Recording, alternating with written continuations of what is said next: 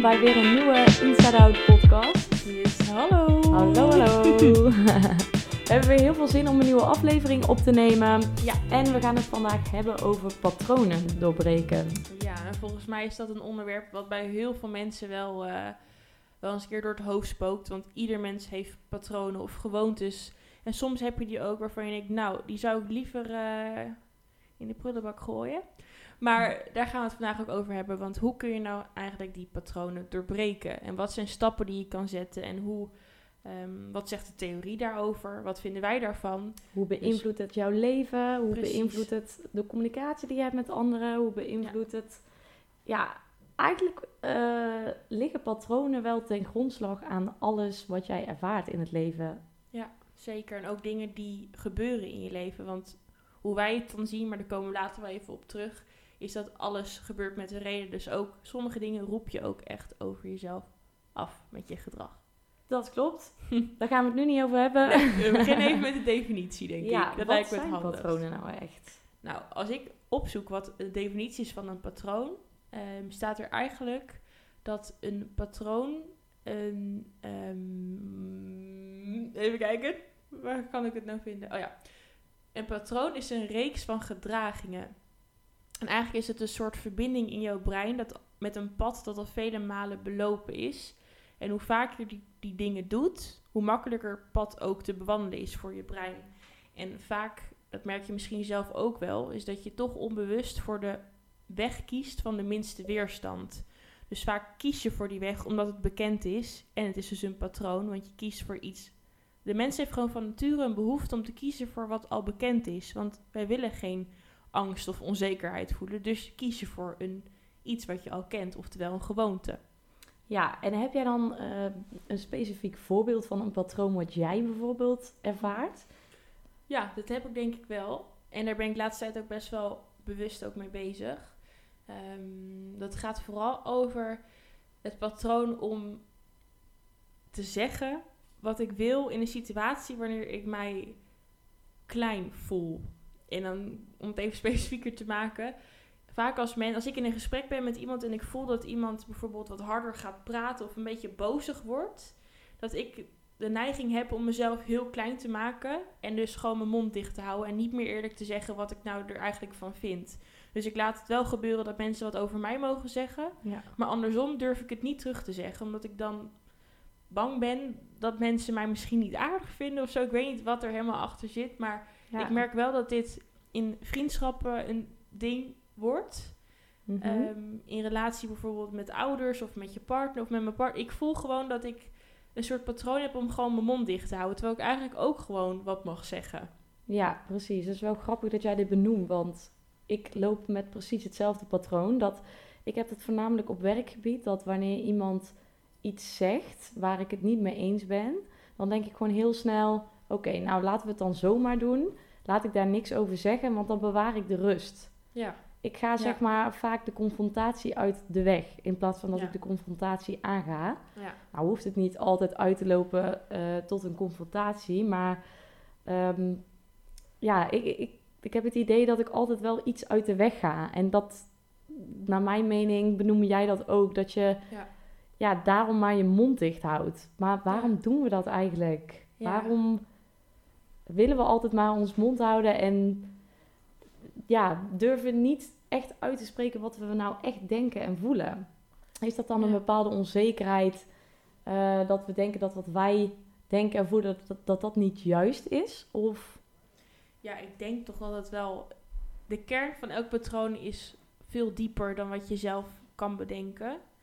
Ehm, ik denk ook wel dat dit bij ons allebei wellicht een stukje onzekerheid is. Ook om een plekje in te nemen van... Hè, ik mag er ook zijn en ik heb ook een mening. En daarachter zit dan wellicht, als je een mening hebt... dat je bang bent dat mensen je misschien minder aardig gaan vinden. Of dat je iemand kwijtraakt, bijvoorbeeld. ja, Ehm, en het kan ook dus komen door, doordat je dus dat patroon hebt gehad, of patroon hebt, dat er elke keer dus hetzelfde gebeurt. Dus jij hebt niks gezegd en Mhm. denk je, oh ja, dus zo is het eigenlijk ook wel fijn, want ik heb geen confrontatie. Eh, het was niet vervelend voor mij, niet vervelend voor de ander, dus we gaan gewoon weer door. En elke keer komt dat patroon opnieuw, opnieuw. ja. Maar ik denk toch dat het, eh, je merkt aan je eigen lichaam of aan jezelf dit is eigenlijk helemaal geen goed patroon voor mij. Althans, dat merk Nee. ik bij mezelf. Dat ik daar zelf, denk ik later als ik bijvoorbeeld dan thuis kom en ik ben ergens geweest, denk ik, hè? Nee, ik had eigenlijk gewoon voor mezelf op moeten komen. Ja, maar dat is zo vervelend, want dat komt altijd weer achteraf. Dat je denkt van, had ik maar dit gedaan? Had ik maar dit gezegd? Want altijd als je uit een situatie bent, dan kun je veel objectiever naar die situatie bekijken. Dan denk je, ja, wat ik dacht was eigenlijk helemaal niet zo verkeerd. Ja, Dus waarom doen we dat nou telkens? En eh, ja, dat is iets waar wij allebei heel erg tegenaan lopen. Ja. En dat is dus een heel concreet voorbeeld van een bepaald patroon. ja. Eh, wij hebben dat altijd in ons leven blijkbaar al zo gedaan. Mhm. Eh, waardoor ons brein nu zo eh, is ontwikkeld dat wanneer dezelfde situatie zich voordoet, dat het brein dus altijd weer signalen naar je lichaam stuurt van en gedachten oproept die hetzelfde zijn als wat we altijd al hebben gedaan. ja Dus hoe doorbreek je die patronen nou eigenlijk? Ik hoorde iets van dat jij dat een boek had gelezen over patronen, dat jij Ja. daar iets over had opgezocht. Ja, klopt. Nou, ik weet ook, eh dat had ik laatst dus toevallig met mijn moeder over. Want mijn moeder die houdt zich ook best wel veel bezig met dit soort onderwerpen. En die volgt dan Nice. ook een soort coachingsstudie. Superleuk en interessant. Heel leuk. En die noemde dus ook, ging ook iets over patronen doorbreken. En toen ehm, zei ze dat eigenlijk een patroon komt voort uit een overtuiging die je hebt over jezelf. Ehm, dat ontstaat dus veel dieper. Dus bijvoorbeeld als jij denkt, eh, ik ga even een voorbeeld doen. Bijvoorbeeld van ons eigen, dat wij het moeilijk vinden om te zeggen wat we nou echt vinden. Ten grondslag ligt eigenlijk een ervaring die ervoor heeft gezorgd dat wij een nieuw patroon hebben gecreëerd. En een overtuiging. En een dus overtuiging die dus die ervaring weer heeft gevoed. Of je hebt de Mhm. overtuiging is gekomen op basis van die ervaring. Dus wellicht heb je een keer een ervaring gehad ehm, waarbij je hebt gezegd wat je nou echt vond, maar dat het negatief was. Dus dat je ruzie kreeg of dat, er, dat Ja. je je onveilig voelde bij iemand of, bij een, een- of op een situatie of zo. Ehm, en dat verzamelt zich in je, in je lijf, allemaal een soort clusters, zo noemde moeder dat. Dus als iets negatiefs is gebeurd, dan vormt dat zich toch in je, in je lichaam. En dat cluster is eigenlijk heel naar, want het is een negatief gevoel wat je ervaart. Mhm. Dus gaat je lichaam er alles aan doen om te zorgen dat je dat gevoel niet meer hebt. Ja, en dus, daar ontstaat dat patroon. dus in principe heeft je brein dan eh, een bepaald gevoel gekoppeld aan jouw stem laten horen. Wat Ja. dus negatief is, of wat Ja. jij als negatief ervaart. Want eh, ik ben heel erg van mening dat niks goed eh, of fout is, dat niks negatief is. Maar dat wij zelf een bepaald gevoel als negatief ervaren. Dus bij een patroon is dat zo in ons geval dat wij ons stem laten horen of ons plekje in te nemen in deze wereld, dat wij dat op een of andere manier door een bepaalde ervaring als negatief hebben ervaren. Ja. Ehm, wat is nou ehm, stap 1 om patronen te doorbreken, denk jij? Ik denk eerst het erkennen van een patroon. Dus bewust worden van, oké, dit gebeurt er elke keer op het moment dat dit en dit plaatsvindt. Zoals Ja. wat wij nu dus vertellen ehm, op het werk of in, eh, in een vriendschap of in een relatie. eh, dat er gebeurtenissen zijn dat je denkt, oh ja, volgens mij had ik, eh, had ik ook nog wel dat kunnen zeggen. Of dat je dus thuis komt en dat je denkt, ja, potverdorie, ik had gewoon eens eventjes voor mezelf op mogen komen. Ja, precies. Dat, het, dat je daar eigenlijk begint alles bij bewustzijn. Ja, Dat je daar, Toch? want op het moment dat je daar bewust van bent, en om even een goed voorbeeld te geven, voor een paar jaar geleden toen ik nog niet hiermee bezig was, toen was ik nog erg onbewust. Dus ja, zoals jij in aflevering 1 ook al zei, dan ben je letterlijk een wandelend hoofd. Mhm. Dat je totaal, je denkt wel bepaalde dingen, maar je bent je niet bewust van Ja. dat je die bepaalde dingen denkt. Ja. En eh, zodra jij je bewust wordt, pas Ja. dan kan je echt verandering in gaan zetten. Want dan erken je het. Ja. En dan kan je gaan bedenken, maar wat voor patroon wil ik dan? Ja. En daar heel specifiek in zijn. Daarom, eh wij hebben bijvoorbeeld bij NLP geleerd dat het heel belangrijk is om concrete doelen te stellen. Ja. En die dan ook positief te formuleren. Ja. Ehm, want op het moment dat je dat doet, dan werkt jouw brein ook toe naar iets. Ja. En Klopt. elke keer als zich dan weer de, dezelfde situatie voordoet, dan kun je niet in één keer verwachten dat je in één keer de totale, eh, an- dat je een totaal ander mens bent, die, wat je zou willen zijn, zeg maar. Eh, maar ik ben persoonlijk van mening dat, ik weet even helemaal niet meer wat ik wil gaan zeggen, kut, sorry. nou, soms heb je dat. Gewoon ja, even, blackout. een hele blackout. laat Ja, maar. Ik zal wel even een aanvulling geven erop, Ja. want het is wel echt zo. Ik denk hoe concreet mogelijk je ook bent met wat je wil veranderen, dat dat al de basis is van eh, het patroon doorbreken. Tuurlijk, het begint met het bewust worden ervan, maar wat wil je dan bewust anders doen? Wat is hetgeen wat je dan wel zou willen en hoe positiever je dat formuleert voor jezelf, hoe makkelijker het is om te, om te halen, om het doel Ja. te halen, om het even zo te zeggen. Want eigenlijk is het toch wel een soort doel. ja, en je moet het eigenlijk ook zien, zo zie ik het dan, als een soort cirkel. Een soort vicieuze cirkel die telkens opnieuw gebeurt op het moment dat je dus het patroon herhaalt. Maar als jij een soort stapje zet of een soort kut maakt in die cirkel, komt er dus een opening om die cirkel te stoppen. heel Dat klinkt heel fout. een bepaalde kut. ja, hoe noem je dat? Een gat maken bedoel ik. Ja, Een kut ja. maken, ja. Om dat even te specificeren voor de mensen die het even niet begrijpen. Ik zit hier te zwaaien met mijn armen en zo. Ja. Nee, maar gewoon dat je... Je moet gewoon een soort... Een stop zetten in die cirkel van... Er komt een opening voor iets nieuws. En op het moment dat je... Denk elke keer als je dan dus weer dat patroon... Als je merkt dat je weer in dat patroon valt... Voel je dus... Oh, maar ik heb de keuze... Om ook anders, ander gedrag te laten zien. En ik denk Ja. dat dat... Gewoon een bepaalde... Ja, het is gewoon een bepaalde kut die je zet. Klinkt echt zo verkeerd. Maar eigenlijk is het gewoon... Het is, alles is een keuze. Dat is Het het ook patroon echt. herhalen ook. Ja, ehm, even om in te haken op wat jij net zei. Ehm, dat positief formuleren, waarom doen we dat? Omdat mensen heel erg geneigd zijn om eh, te denken wat ze niet willen. Ja. Maar eh, jouw onderbewustzijn is, zeg maar, het is hetzelfde idee dat als je zegt, denk niet aan een roze olif- olifant. Wat zie je nou gelijk voor je? Ja, Een roze olifant. Nou, dat is hetzelfde met als je tegen jezelf zegt: Ik wil niet meer elke dag mezelf vol eten. Even om als voorbeeld te geven.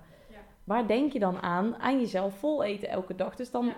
Gaat jouw brein bepaalde gedachten stimuleren. Ja. Die juist ervoor zorgen dat jij je elke dag weer vol gaat eten. ja, dat komt omdat je brein het woordje niet niet kent.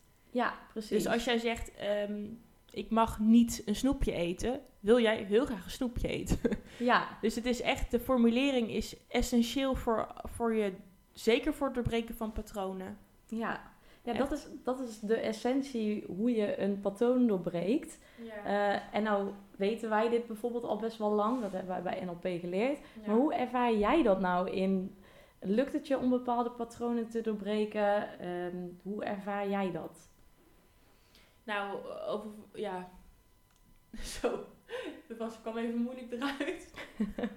maar ik denk, ja, hoe ik dat ervaar, ik vind het gewoon verrekte moeilijk. Dat zou ik je eerlijk zeggen. En dat Ja. is ook dus Dat is het ook. eh, wellicht weer een overtuiging van mezelf dat ik maak het dus ook moeilijk. Maar ik merk gewoon dat iets wat er al... Kijk, wij zijn nog jong, hè? Dus voor ons is een patroon wellicht makkelijker te doorbreken dan Nou, onze jij bent ouders. jong. Ja, ik Ja. ben jong. nee, grapje. drie of drie jaar, die... eh, Nee. Nee, maar het is wel... Wij hebben denk ik het voorrecht dat we dat nu nog kunnen aanpassen. Maar dan alsnog, nu merk ik al hoe erg dingen in mijn hoofd... Of dat ik zo geconditioneerd ben dat het zo in mij zit. En dat Ja. het echt doorbreken dat het gewoon heel moeilijk is... als je er niet altijd bewust mee bezig bent. Ja, en eh, waarom het nou precies zo moeilijk is, dat heb ik in een boek van Dr. Joe Dispenza gelezen. In Breaking the Habit of Being Yourself. Ik ben het niet helemaal eens met de titel. maar ik snap wel wat hij bedoelt met... Hij zegt daar bijvoorbeeld ook dat ehm, jouw brein zo gewend is om bepaalde eh, neurologische eh, verbindingen te hebben. Dus Waardoor- die clusters. Die clusters Ja. wat, wat jij vertelde. Ja. Ehm, waardoor jouw brein bepaalde signalen naar jouw lichaam toestuurt, waardoor je een bepaalde emotie ervaart bij het Ja. gedrag wat jij doet. Ja. En die emotie, dat wat in je lichaam zit, wat letterlijk je brein naar je lichaam stuurt, dat eh, bevordert ook weer de gedachten die jij denkt. Dus het is een wisselwerking van je brein naar je lichaam, je lichaam naar je brein. Waardoor het zo ontzettend moeilijk is om dat uit jouw systeem te krijgen, om een bepaald patroon niet meer te hebben. En dat is wat het zo moeilijk maakt. Die emotie, zeg maar, die vastzit in je lichaam. Ja, moet je bijvoorbeeld eens nagaan als je een bepaald... Je hebt vast wel een liedje dat een bepaalde emotie bij je oproept. Bijvoorbeeld een liedje waarvan je gelijk moet huilen of zo. Moet je dus nagaan hoe snel je brein dus schakelt naar een gevoel. Dus je hoort iets en Ja. gelijk moet je huilen of gelijk word je blij. Het zijn Ja. altijd, maar dat, dit is dus even om iets heel simpels, een liedje. Maar het kan dus ook gaan om een andere situatie. Dus als je bijvoorbeeld eh, onveilig voelt, of als je je Ja. niet durft uit te spreken, of als Ja, en dat Ja. is dus waarom een bepaald patroon altijd gekoppeld is aan een bepaald gevoel. Ja. Als jij bijvoorbeeld, even om het voorbeeld van net te pakken, jezelf elke dag vol eet, dan heb je waarschijnlijk ergens eh, jezelf vol eten gekoppeld aan een gevoel wat voor jou fijn is. Ja. Waardoor jij dat patroon dus steeds blijft herhalen. Terwijl je eigenlijk diep van binnen weet dat het niet goed is voor je. En dat is zo frustrerend. Ja, zeker. Maar jij ervaart dat dus wel echt als verrekte moeilijk. Verrekte moeilijk. Ja, dat, dat ja. is het ook echt. Maar En- ik heb wel denk ik een tip, opeens schiet me dat te binnen. Omdat Mhm. ik toch een beetje, wel, ik ben echt bewust bezig met het doorbreken van dat patroon. Ehm, om het kenbaar te maken aan degene met wie je dan bent. Op het moment dat ik het had verteld, ja, ik ga niet de hele de situatie uitleggen, maar ik weet wel dat ik toen heb aangegeven dat ik het moeilijk vind om dus me dan uit te spreken. Dat ik echt heb gezegd, ik voel me dan dat ik heel klein word. Op het moment toen ik dat dus had verteld aan diegene, eh, merkte ik bij mezelf ook iets van, oh, ik heb het gezegd, oké, dat scheelt het lucht echt al heel erg op. Mhm. En dan een soort afspraak maken van, eh, wat kunnen wij er samen aan doen als het dus gaat om, ik wil in een relatie of in een vriendschappelijke relatie, zeg maar, wat kunnen we er samen aan doen om te zorgen dat ik me dan niet zo voel en hoe kunnen we elkaar dan helpen? Want ik denk Mhm. echt als je een soort hulpbron inschakelt, dat Ja. dat al heel veel, heel veel doet. Althans bij mij dus wel. Ja, en ik denk ook dat je zelf, ehm, ja, je durft open, dat, het openstellen van jezelf naar een ander. En inderdaad, wat Ja. jij zegt, dus dat eh, durven te zeggen, dat dat al heel erg veel oplucht. En dat je daardoor al een soort licht hebt ge, geschijnd op jouw probleem. Ja. Heb geschenen, ik zeg geschijnd, oh wat erg. Hebt geschenen op jouw probleem, dat het probleem dan ook veel minder een probleem wordt Ja. omdat je, dat, omdat je je daar dus bewust van bent. Ja, en als je het soms ook hebt gezegd, dan haal je de lading ook ervan weg.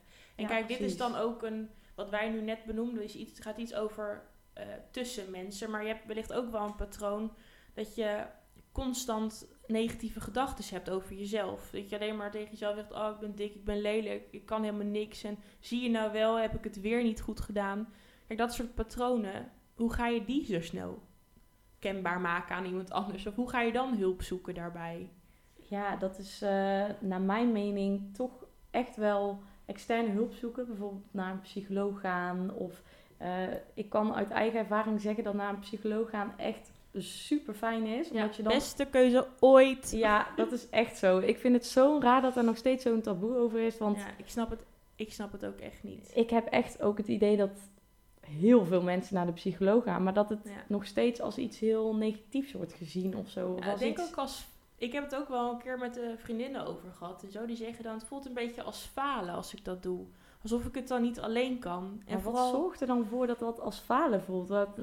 Want Ja, dat is weer je perspectief of je paradigma van de wereld. Dat je niet mag falen of dat je Ja, niet want als je- hulp mag zoeken. Maar net zoals als mensen fitter willen worden, bij wijze van spreken, dan gaan ze toch ook naar een personal trainer. Die helpt hen toch ook. Dan voelt dat Ja. toch ook niet als falen. Dat vind ik met mentale gezondheid precies hetzelfde. Van. Waarom zou het dan wel als falen eh, zijn als je hulp zoekt bij een psycholoog? Dat is iemand die jou gewoon simpelweg helpt bij de processen die omgaan in jouw hersenen en in je lichaam. Ja, alleen ik denk gewoon dat heel veel mensen eh, niet zo bewust ermee bezig zijn als wij. En als jij niet.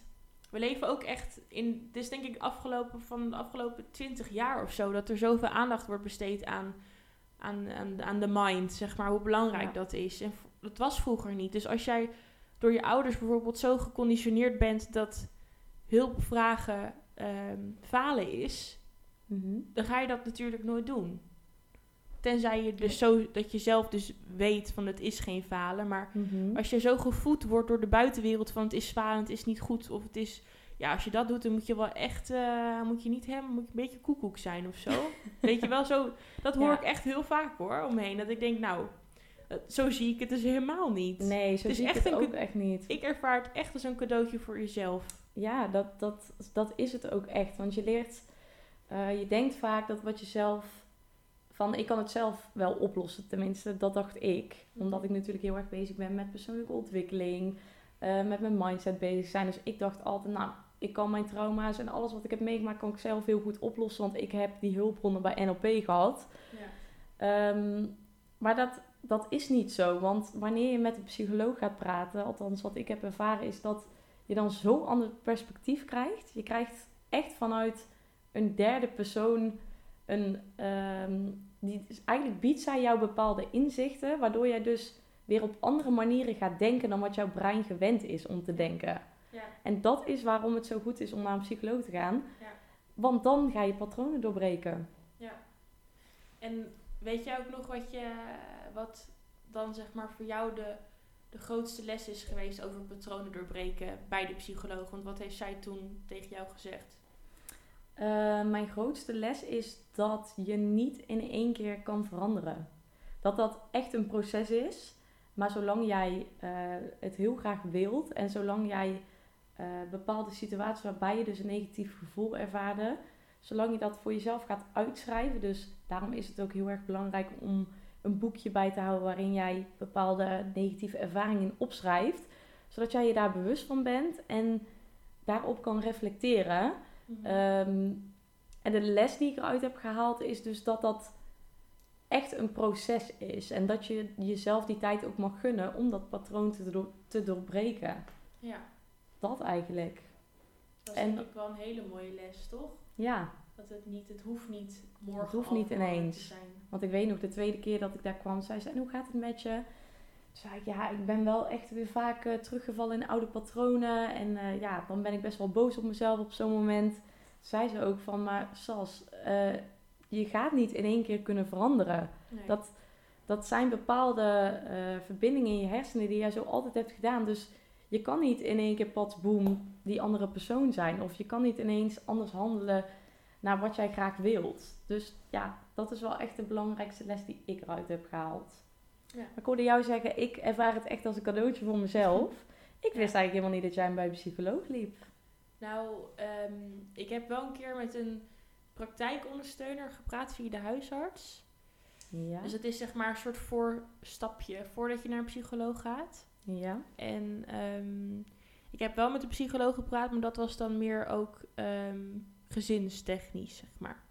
Dus niet één op één met een psycholoog. Mhm.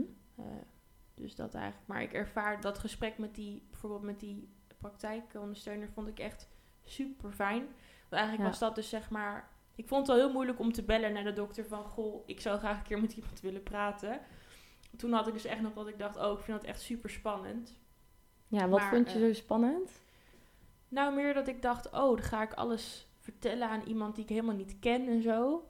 Eh, wat zal ze wel niet van me denken? Weet je, beetje Mhm. zoiets. En dan, maar dat was vanaf het eerste moment gelijk weg toen ik bij haar zat, zeg maar. Ze was super fijn. En toen, op dat moment had ik, kon ik ook zo goed met haar praten dat ik voelde van, ik heb niet meer nodig dan dit met jou. Ja, precies. Maar nu bijvoorbeeld zou ik... Ik denk dat ik gewoon mezelf elk jaar een soort cadeau wil geven... als ik voor mezelf mag zorgen, zeg maar. Om echt...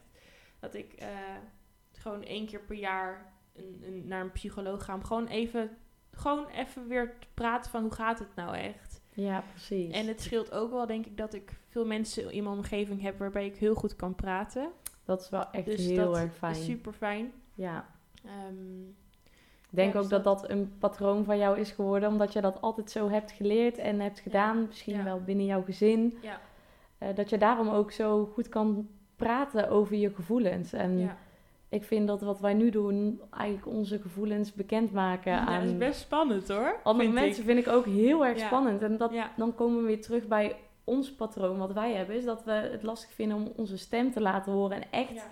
Ons plekje in te nemen in deze wereld. Dus wat dat betreft zijn we ook echt patronen aan het doorbreken, Ja. joh. Ik denk ook echt, als ik dan nu even terugluister naar wat we, eh, of terugdenk aan wat we net allemaal verteld hebben, dat er denk ik vier dingen zijn die belangrijk zijn als het gaat om het doorbreken van je patronen. Ik denk stap 1 is het erkennen, dus bewust worden van je patroon. Stap 2 is dan ehm, schrijf een doel op wat je dan wel wil en schrijf het zo positief geformuleerd mogelijk op. Ja, en schrijf daarbij vooral eh, welke gevoelens jij wilt ervaren. Ja. Dus zet echt een intentie van wat wil ik zijn, wat wil ik doen. En ehm, geloof daar ook echt in dat dat dan gebeurt. Ja, geef jezelf de tijd. Ja, dat is denk ik de laatste stap. Ja, Maar ik denk dat stap drie is ook vraag hulp. En is het dan hulp in je omgeving? Kan ook dus externe hulp zijn, maar vraag echt om hulp. Want hulpbronnen, die ga je er echt het extra zetje geven om jezelf te blijven motiveren en echt om het doel eh, te behalen. En dan Ja, uiteindelijk ja. dus de laatste stap, dus geef het tijd. Eh, ja geef hoeft jezelf niet de in tijd. één nacht te gebeuren of zo. Nee, precies. Want dat, dat, dat is onmogelijk. Ja. En al is die tijd, al duurt dat vijf jaar voordat je die andere persoon bent of voordat je een ander patroon hebt, dat maakt niet uit. Nee. Het gaat erom, eh de joy is in the work, zeggen ze wel eens. En dat is ook echt zo. En Ja. je hoeft niet altijd gelijk perfect te zijn of zoals jij wilt. Ehm, zolang je maar eh, groeit en doelen blijft stellen, geloof erin dat dan alles goed komt. Ja. Alles Ben ik het komt altijd goed. helemaal mee eens. Ja. Ik denk ook echt dat dat ook een soort rust geeft. ehm, over überhaupt het hele proces. Je moet natuurlijk nooit vergeten dat je dan nog wel je doel moet behalen, denk ik. Want de valkuil kan ook er weer in zitten dat je denkt, oh, ik laat het los en het hoeft niet eh, gelijk te gebeuren. Want dat zie ik Ja. ook nog wel eens bijvoorbeeld bij, ehm, bij mensen om me heen. Dat je dan mensen zich, dat heb, heb ik bijvoorbeeld een gesprek over dat eh, iemand echt bewust bezig is met een patroon veranderen.